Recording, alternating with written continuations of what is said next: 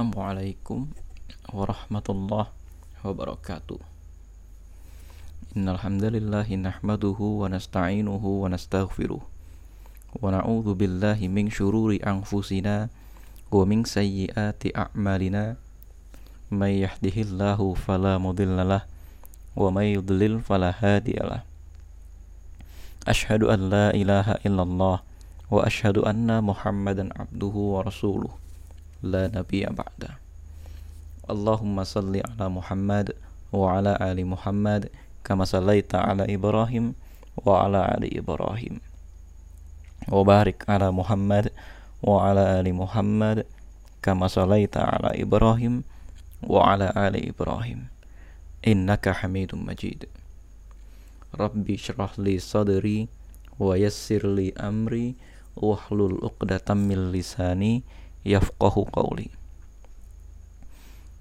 Alhamdulillah pada kesempatan kali ini kita akan lanjutkan kembali pembahasan podcast ngaji budaya pada episode reguler yang kurang lebih kali ini kita akan membahas perang Bani Quraidah yang terjadi sambung menyambung atau bahkan menurut sebagian ulama ini masih di episode perang Ahzab karena asal muasal dari perang Bani Quraidah ini adalah pengkhianatan orang-orang Yahudi Bani Quraidah terhadap perjanjian Madinah karena mereka lebih memilih untuk memihak kepada pasukan yang akan menyerang kota Madinah.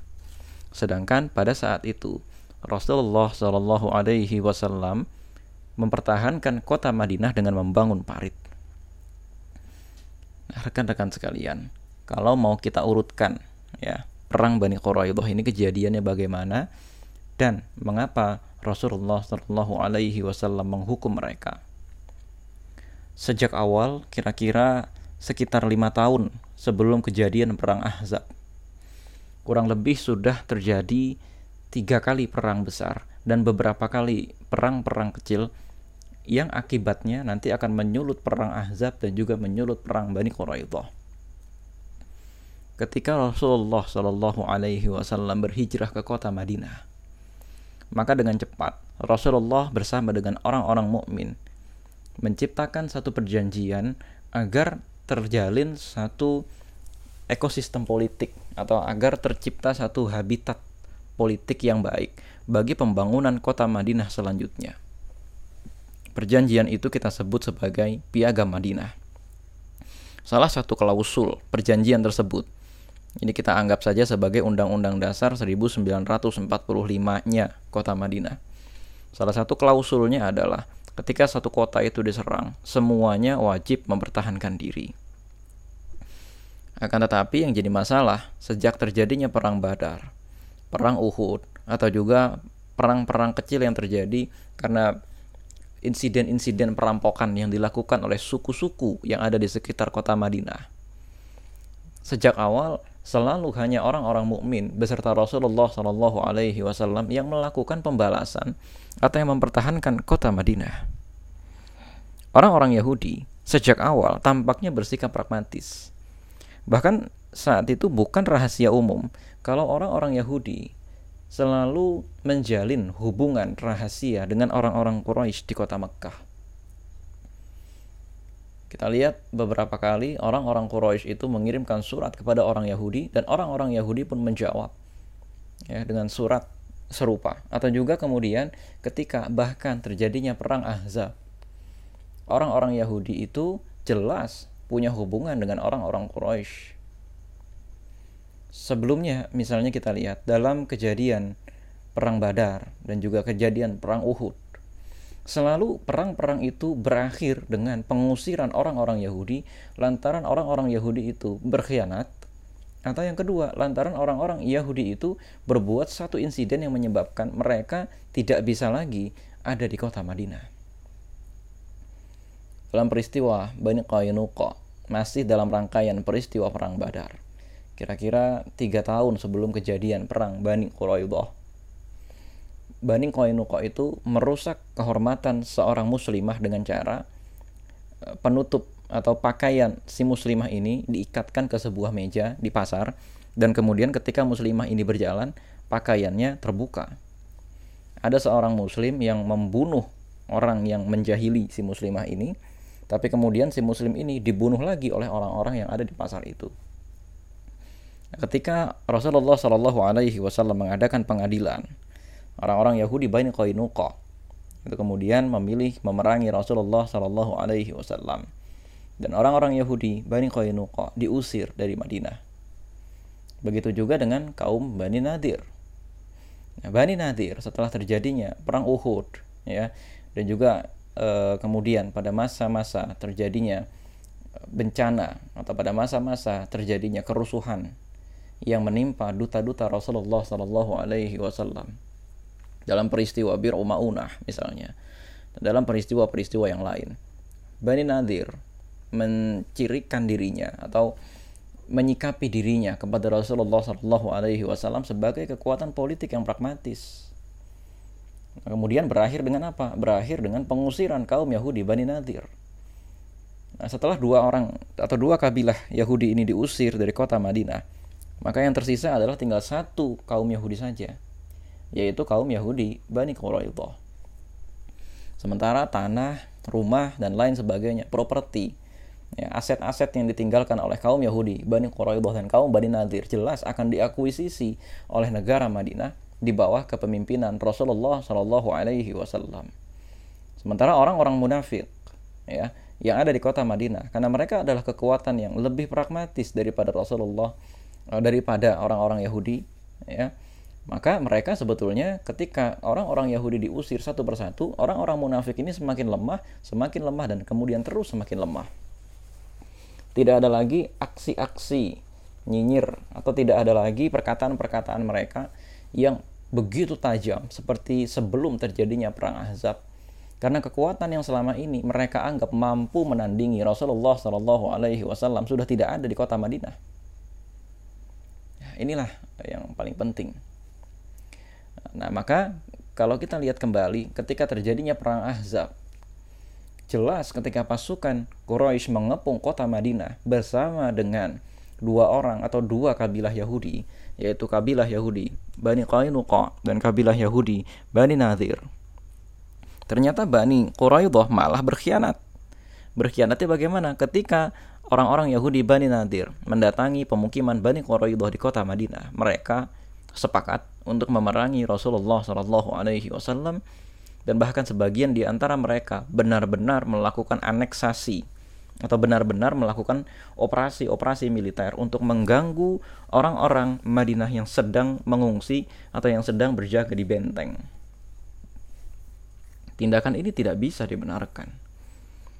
Maka ya ketika Rasulullah Shallallahu Alaihi Wasallam itu sejenak ya beristirahat dan kemudian Jibril alaihi salam datang kepada Rasulullah sallallahu alaihi wasallam dengan uh, wajah seperti habis perjalanan atau dengan wajah yang kotor terkena tanah. Karena Jibril alaihi salam itu sedang menggoncangkan benteng-benteng Yahudi maka Rasulullah sallallahu alaihi wasallam tersadar bahwa perang belum selesai. Maka disiagakan lagi pasukan besar kaum muslimin pada saat itu untuk mengepung benteng kaum Yahudi Bani Quraidah. Nah, eh, rekan-rekan sekalian, dari peristiwa ini ya kita tahu bahwa saat itu Rasulullah Shallallahu Alaihi Wasallam sesungguhnya dalam keadaan unggul. Orang-orang Quraisy jelas tidak akan kembali mengepung kota Madinah karena apa? Pasukan mereka tuh hancur sehancur-hancurnya meskipun tidak terjadi korban jiwa akibat kehancuran pasukan Quraisy ini karena kehancuran mereka itu lebih diakibatkan karena angin topan yang menyerbu perkemahan mereka. Dan kita tahu ending atau bagian akhir dari perang Ahzab ini adalah orang-orang Quraisy itu gagal melakukan blokade lantaran datangnya angin topan yang diutus oleh Rasul eh, yang diutus oleh Allah Subhanahu wa taala membantu Rasulullah Shallallahu alaihi wasallam. Sehingga dengan demikian tidak terjadi kerusakan besar atau tidak terjadi kerugian bagi pasukan muslim. Oleh sebab itu, pasukan muslim dalam keadaan yang relatif tidak terlalu e, turun dibandingkan dengan keadaan sebelumnya. Pasukan Muslim relatif tidak dalam keadaan yang lelah, juga tidak dalam keadaan yang terkena kerugian. Malah sebaliknya, moral pasukan akan semakin meningkat. Maka Rasulullah Shallallahu Alaihi Wasallam bisa dengan cepat melakukan mobilisasi pasukan itu menuju ke benteng kaum Yahudi Bani Quraidah. Nah, motif utama dari perang Bani Quraidah ini adalah satu meminta pertanggungjawaban Bani Quraidah dan menghukum pengkhianat negara. Kita tahu ya, kalau orang-orang orientalis itu suka berkata atau orang-orang yang belum mengerti sirah nabawiyah pasti akan berkata, kejam sekali Rasulullah Shallallahu alaihi wasallam mengusir orang-orang Yahudi ini. Tapi mari kita ubah persepsinya. Rasulullah Shallallahu Alaihi Wasallam itu bukan juru dakwah biasa yang tampil dari masjid ke masjid, bukan juru dakwah biasa yang kemudian datang dari rumah ke rumah ketok pintu hanya mengajarkan ayat-ayat Allah dalam konteks ayat-ayat itu sebagai urusan pribadi dan kemudian menerima bayaran bulanan dari dakwahnya itu. Tidak. Rasulullah itu bukan juru dakwah seperti itu. Dalam posisi ini Rasulullah Shallallahu Alaihi Wasallam adalah dalam tanda kutip pemimpin negara. Meskipun tidak bisa kita katakan Rasulullah Shallallahu Alaihi Wasallam adalah seorang raja. Beda. Rasulullah itu bukan seorang raja. Nah sampai di sini rekan-rekan sekalian untuk memahami pengkhianatan kaum Yahudi Bani Quraidah maka kita akan berkaca kepada hukum modern sekarang ini Bayangkan ada sebuah negara sedang dikepung dari segala penjuru oleh pasukan. Nah, malah dalam hal ini ada uh, elemen dari negara atau ada bagian dari bangsa kita Indonesia misalnya yang berkhianat dan malah berpihak kepada elemen pengepung tersebut. Apa yang terjadi? Sudah pasti elemen tersebut akan kita anggap sebagai pengkhianat negara. Dan hukuman bagi pengkhianat negara, terutama di medan perang, adalah hukuman mati, jelas. Hukuman bagi pasukan atau hukuman bagi elemen bangsa yang berkhianat ketika bangsa tersebut sedang berperang melawan penjajah adalah hukuman mati. Maka hukuman ini sebetulnya adalah hukuman yang bersifat politik dan bersifat patriotik. Maka kemudian Rasulullah Shallallahu Alaihi Wasallam menyiagakan pasukan militernya untuk mengepung kaum Yahudi Bani Quraidah, yang mana saat itu kaum Yahudi Bani Quraidah juga punya pasukan militer. Jadi jangan dibayangkan ini kondisinya Rasulullah dalam keadaan yang lebih kuat dalam artian yang punya pasukan militer sementara orang Yahudi Bani Quraidah adalah isinya orang-orang sipil non kombatan. Orang-orang Yahudi Bani Quraidah ya jelas ya di tahun-tahun segitu, tahun-tahun 600-an Masehi tidak ada pasukan reguler. Yang ada semua orang adalah wajib militer, semua orang adalah sukarelawan militer. Maka dalam hal ini kondisinya setara. Orang-orang Yahudi Bani Quraidah bisa memilih untuk apa? Bisa memilih untuk menyerang Rasulullah Shallallahu Alaihi Wasallam.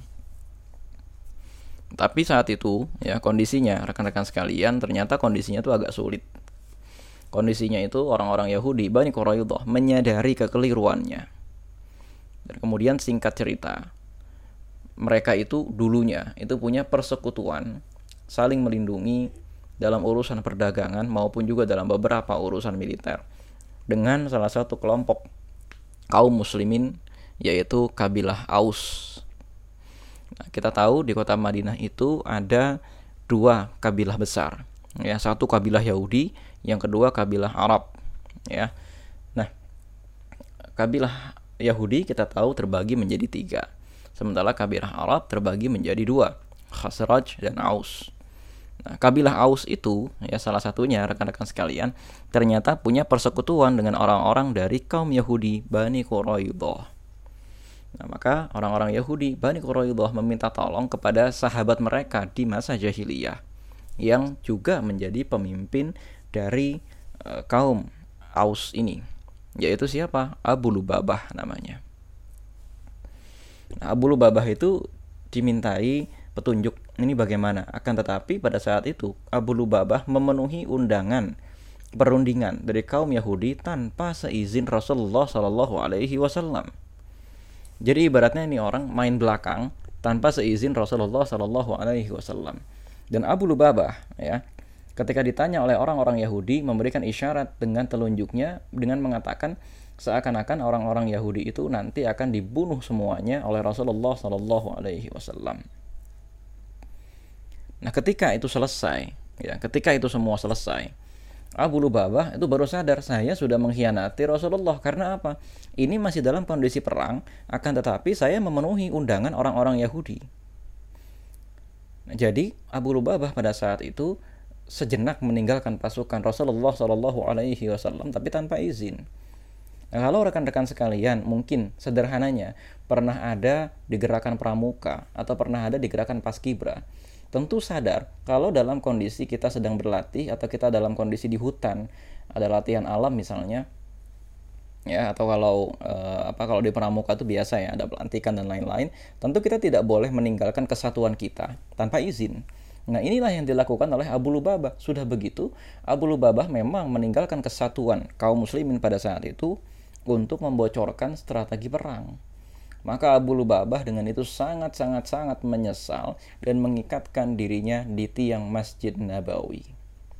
Untuk apa? Dia berkata, aku tidak akan melepaskan diriku sebelum Allah Subhanahu wa taala sendirilah yang melepaskan aku. Nah, singkat cerita, Abu Lubabah ini kemudian hanya dilepaskan ikatannya ketika apa? Ketika dia ingin buang air dan juga ketika datang waktu sholat ini ya rekan-rekan sekalian. Mengenai kesudahan ceritanya Abu Lubabah ini bagaimana akan kita tunda di penyampaian selanjutnya. Tapi sekarang kita fokus dulu pada cerita perang Bani Quraidah ini. Nah, rekan-rekan sekalian, eh, pada saat terjadinya perang Ahzab dan tersiarnya kabar pengkhianatan kaum Yahudi Bani Quraidah, pada saat itu kondisi sangat mencekam orang-orang Yahudi Bani Quraidah yang tinggal di satu tempat dengan orang-orang muslim menyebarkan mata-mata dan juga menyebarkan pasukan penyergap ke dalam kota Madinah. Nah, salah satunya pada saat itu ternyata pasukan-pasukan penyergap yang tersembunyi ini berhasil menembakkan anak panah dan terkena ke tangannya ya tangan dari Sa'ad bin Mu'az. Nah, rekan-rekan sekalian, kalau kita lihat ke kitab-kitab hadis gitu ya, atau kita kita lihat ke kitab-kitab sirah nabawiyah eh, tangan Sa'ad bin Mu'adz ini terkena panah dari orang yang tidak tahu siapa.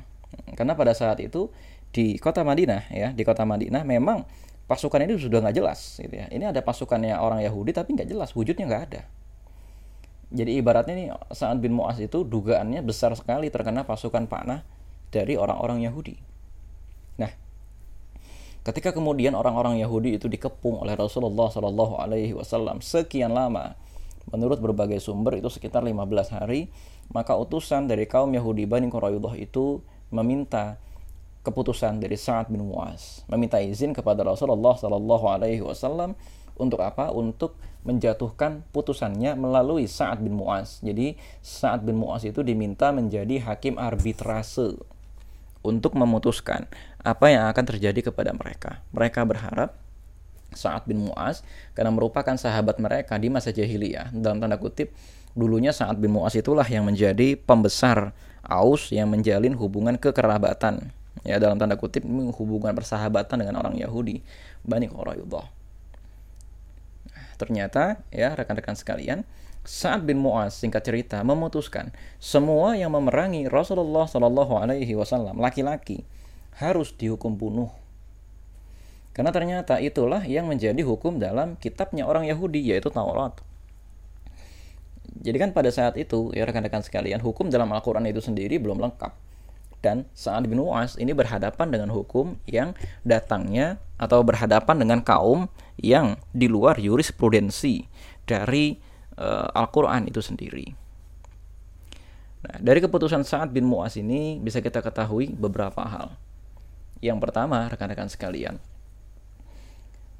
satu, ketika kita berhadapan dengan orang-orang non-Muslim, ini kan tentu sudah di luar jurisprudensi dari Al-Quran. Nah, Rasulullah Shallallahu Alaihi Wasallam mengizinkan hakim dalam hal ini Sa'ad bin Mu'az untuk memutuskan berdasarkan Taurat dan di samping itu memang sebelum-sebelumnya ketika terjadi satu masalah pidana atau perdata yang terjadi di lingkungan orang-orang Yahudi atau orang-orang Nasrani yang ada di kota Madinah. Maka Rasulullah Shallallahu Alaihi Wasallam tidak menggunakan Al-Quran, akan tetapi menggunakan Taurat dan Injil. Karena apa? Karena mereka di luar jurisprudensi Al-Quran. Jadi ini juga sekaligus membantah orang-orang yang mengatakan kalau nanti diterapkan hukum Islam di sebuah negara, maka semua yang mencuri akan dibunuh. Enggak juga. Ya, artinya setiap agama, setiap kelompok orang, kecuali orang itu Islam, itu dibebaskan untuk memilih hukum apa yang mereka sukai. Yang penting, rekan-rekan sekalian, ada satu landasan pokoknya, yaitu piagam Madinahnya. Nah, piagam Madinahnya itu apa? Dalam kepercayaan kita, di Indonesia, piagam Madinah itu adalah Pancasila. Nah, kemudian nanti dibebaskan kepada setiap warga negara untuk menciptakan hukum yang sesuai dengan hukum yang mereka sukai dari agama mereka. Jadi agama itu kan diakui ya dalam e, Pancasila atau diakui dalam Undang-Undang Dasar 1945.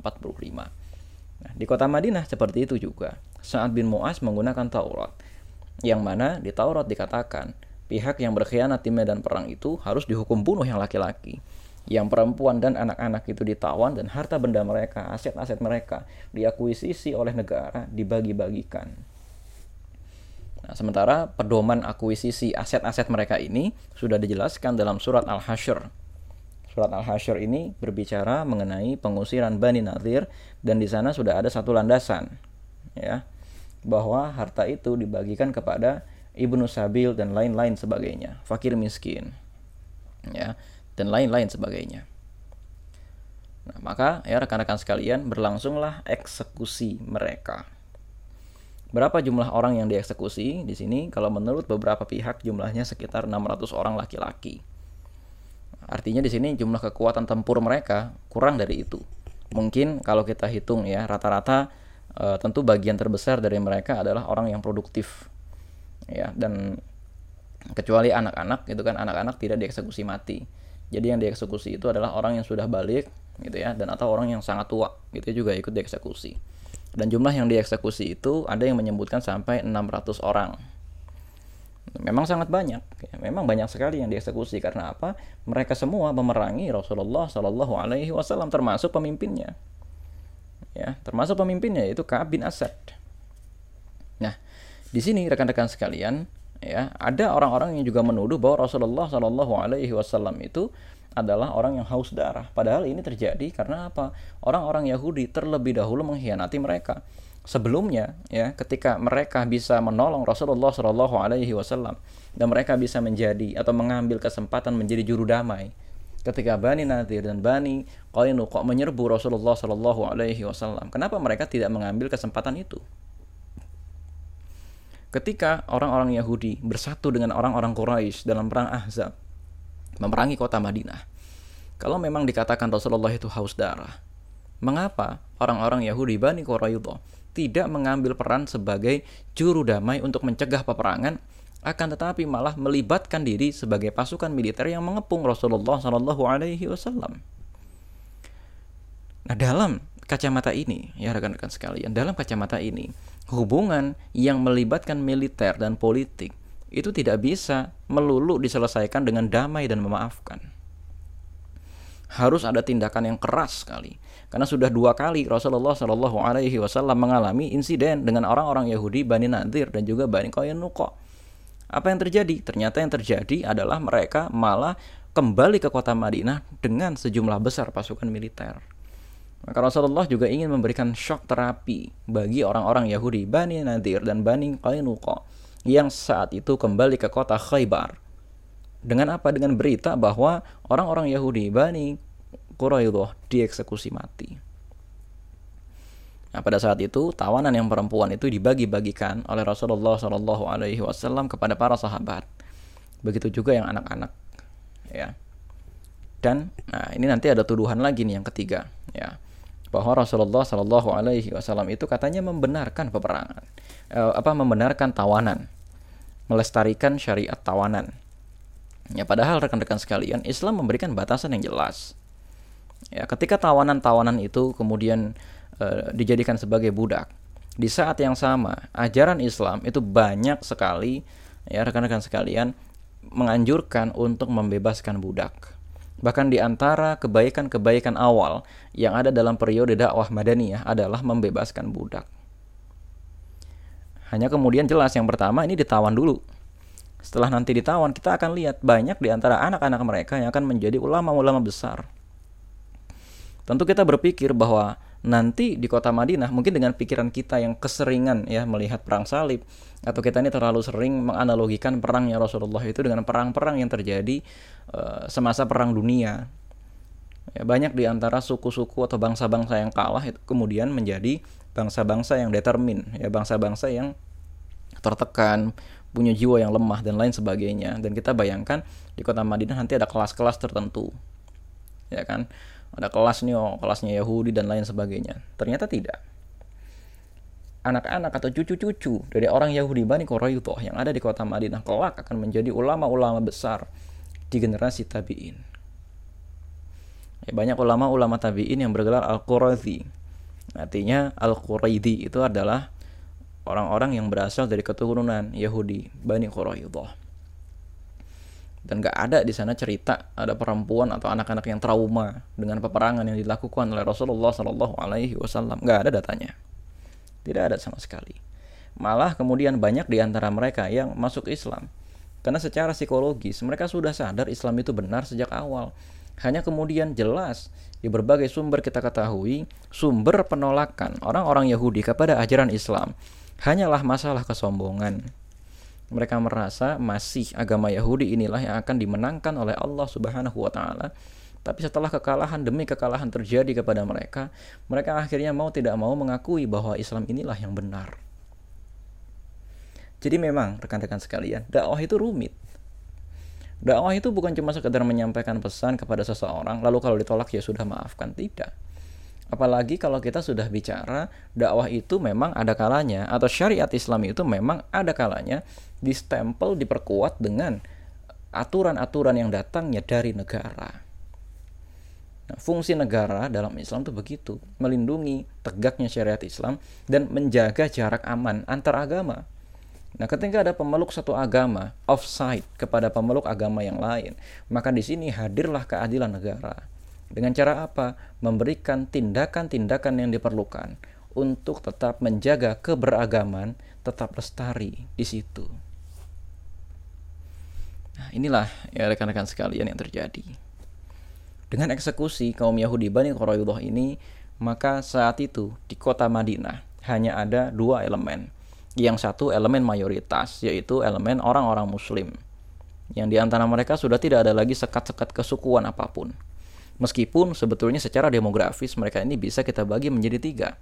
Orang-orang muhajirin, orang-orang ansor. Orang-orang ansor kita bagi menjadi lagi dua. Jadi makanya ada tiga golongan. Kabilah Aus dan kabilah Khosroj. Dan golongan kedua yang menjadi minoritas adalah orang-orang munafik yang jumlahnya cukup besar. Ya, di setiap medan perang kita ketahui orang-orang yang munafik ini sekitar 300 orang sampai 700 orang rekan-rekan sekalian. Dengan peristiwa ini, maka kota Madinah saat itu menjadi kota yang aman. Tidak ada lagi hambatan bagi Rasulullah Shallallahu Alaihi Wasallam untuk melakukan operasi militer keluar daerah kota Madinah dengan membawa sebagian besar dari pasukan beliau. Kalau sebelumnya Rasulullah Shallallahu Alaihi Wasallam relatif menjaga agar ketika terjadi operasi militer, masih terdapat cukup pasukan untuk bisa melindungi kota Madinah. Sementara ketika e, kemudian orang-orang Yahudi yang selama ini menjadi ancaman militer di dalam lingkungan kota Madinah sudah tidak ada, maka Rasulullah Shallallahu Alaihi Wasallam bisa mengerahkan bagian terbesar dari pasukannya untuk menghadapi musuh-musuh Islam di sekitar kota Madinah. Nah, dengan kemenangan Rasulullah Shallallahu Alaihi Wasallam atau kalaupun tidak bisa kita sebut sebagai kemenangan, tapi gagalnya orang-orang Quraisy menghancurkan kota Madinah, dan dengan eksekusi mati yang dilancarkan Rasulullah kepada kaum Yahudi Bani Quraidah. Maka perjanjian yang dilakukan oleh Rasulullah kepada kabilah-kabilah Arab seperti Bani Mazij, Bani Damrah, dan Bani-Bani yang lain yang ada di sekeliling kota Madinah menjadi lebih kuat. Dan dengan demikian, karena aset-aset selama ini yang dikuasai oleh orang-orang Yahudi, seperti misalnya sumur, ya, peternakan, lahan-lahan, kebun-kebun, dan lain sebagainya, diakuisisi oleh Rasulullah Shallallahu Alaihi Wasallam, maka kota Madinah pada saat itu menjadi makmur. Makmurnya kenapa? Karena saat itu orang-orang Yahudi melakukan kapitalisasi kepada sumber-sumber air dan kapitalisasi kepada sumber-sumber rumput. Kenapa rumput itu jadi penting? Karena pada saat itu di Arab terutama gitu ya, kan kebutuhan ternak itu banyak. Yang kedua kebutuhan unta itu banyak. Selain misalnya tanah untuk merawat ternak itu sewa, tanah untuk menggembalakan ternak itu juga sewa. Banyak di antara sumber-sumber air bersih yang memang dari dulunya sudah ditempati oleh orang-orang Yahudi dikapitalisasi.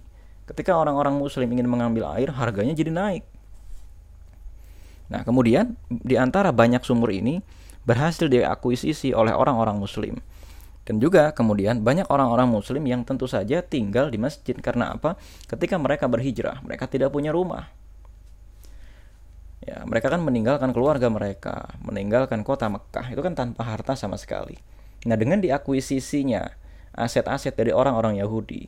Sebagian aset ini dibagikan kepada orang-orang fakir dari kalangan kaum muslimin sehingga tidak ada lagi orang-orang yang homeless atau orang-orang yang uh, tidak punya rumah lagi.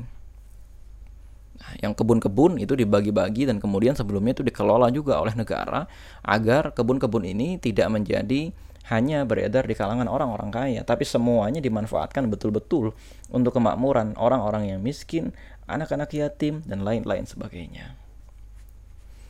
Nah, rekan-rekan sekalian, dari hal ini ya, dari sini kita bisa mengerti bahwa ternyata memang kalau Islam itu diterapkan menjadi sebuah aturan negara, konsekuensinya tidak sederhana.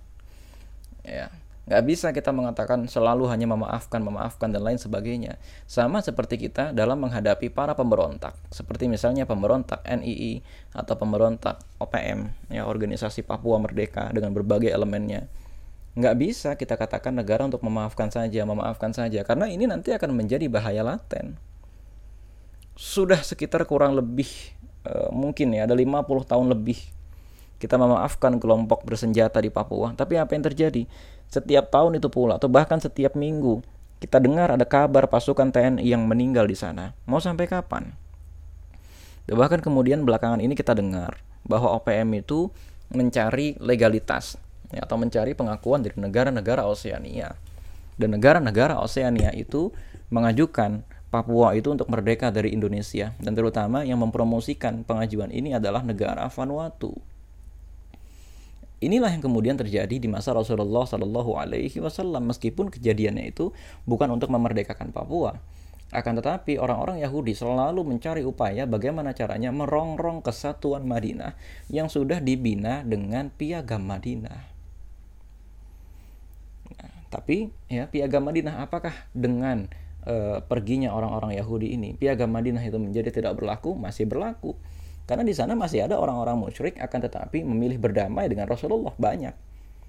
Ya, banyak juga gitu ya orang-orang musyrik atau banyak juga orang-orang Kristen yang masih hidup di dalam kota Madinah dan memilih berdamai dengan Rasulullah Shallallahu Alaihi Wasallam. Rekan-rekan sekalian, itulah singkat cerita pembahasan tentang kaum Yahudi Bani Quraidah dan perang kaum Yahudi Bani Quraidah. Setelah hari itu, ya Rasulullah Shallallahu Alaihi Wasallam tidak lagi mengambil sikap bertahan. Kita ketahui tiga kali perang besar yang terjadi itu Rasulullah Wasallam selalu menjadi pihak yang diserang duluan. Di perang Badar Rasulullah itu kan dicegat oleh seribu pasukan. Di perang Uhud Rasulullah itu didatangi oleh tiga ribu pasukan. Di perang Azab Rasulullah itu diserbu oleh sepuluh ribu pasukan. Setelah hari itu Rasulullah Shallallahu Alaihi Wasallam di samping karena keamanan internal kota Madinah itu sudah terbentuk, Rasulullah Shallallahu Alaihi Wasallam juga sudah mendapatkan jumlah pasukan yang cukup dan kecukupan logistik untuk mengadakan penyerbuan keluar. Nah, salah satu analisisnya adalah ketika terjadi akuisisi aset dari tiga kabilah Yahudi, yaitu kaum Yahudi Bani Qainuqa, Bani Nadir, dan juga Bani Quraidah, maka jumlah aset itu cukup untuk membiayai e, berangkatnya pasukan perang untuk menghukum kabilah-kabilah di sekeliling kota Madinah dan juga untuk berangkat nanti memerangi kaum Yahudi di Khaybar dan juga memerangi orang-orang Romawi dalam peristiwa perang Mu'tah. Rekan-rekan sekalian, ketika kita mengatur sebuah negara yang di dalamnya ada pasukan militer, itu tidak sekedar mengerahkan orang keluar, akan tetapi juga perlu perencanaan logistik Nah logistik ini setelah perang Yahudi Bani Qainuqa cukuplah ya untuk menyelenggarakan suatu operasi militer yang besar. Kira-kira itu dulu rekan-rekan sekalian. Mari setelah ini ya kita renungkan bersama-sama kembali penegakan syariat Islam di negara ini. Assalamualaikum warahmatullahi wabarakatuh.